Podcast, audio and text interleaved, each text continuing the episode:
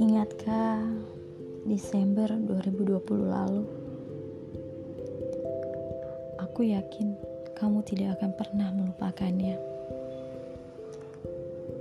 Di situ, di tahun itu, di tempat itu, pagi itu, kembali ada luka yang selama ini sering aku takutkan di dalam hatiku. Aku berharap bukan kamu yang akan menggoreskan luka itu. Tapi aku percaya bahwa setiap luka bisa selalu membuatku jauh lebih baik dan lebih dewasa dari hari kemarin. Jika ditanya, mana buktinya? Lalu, apakah aku sekarang udah bahagia? Dan apakah sekarang aku udah bisa move on, ikhlas, dan rela. Jangan pernah lihat aku sekarang. Lihat saja nanti ketika prosesku melupakan sudah berhasil dengan sempurna.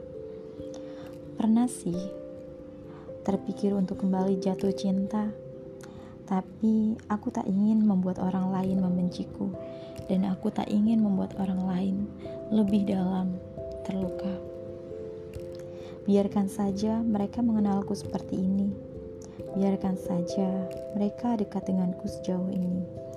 Biarkan saja mereka bisa berbicara lebih leluasa padaku, seperti saat ini. Aku senang bisa berbagi sebuah cerita tentang pengalaman kehidupan seseorang. Mengapa? Karena aku bisa petik dari semua cerita bahwa aku harus bisa semangat dalam kehidupanku di masa akan mendatang. Kamu memang tidak pernah tahu bagaimana isi hatiku, tapi aku selalu menghargai bahwa kamu sudah belajar masuk pada duniaku, dunia yang sedikit aneh dan tak banyak orang tahu. Bukankah untuk menemukan jawaban kita butuh referensi bacaan? Lalu bagaimana aku bisa menjawab tanpa aku harus mencoba? Sekarang komunikasi saja tidak pernah. Lalu aku berpikir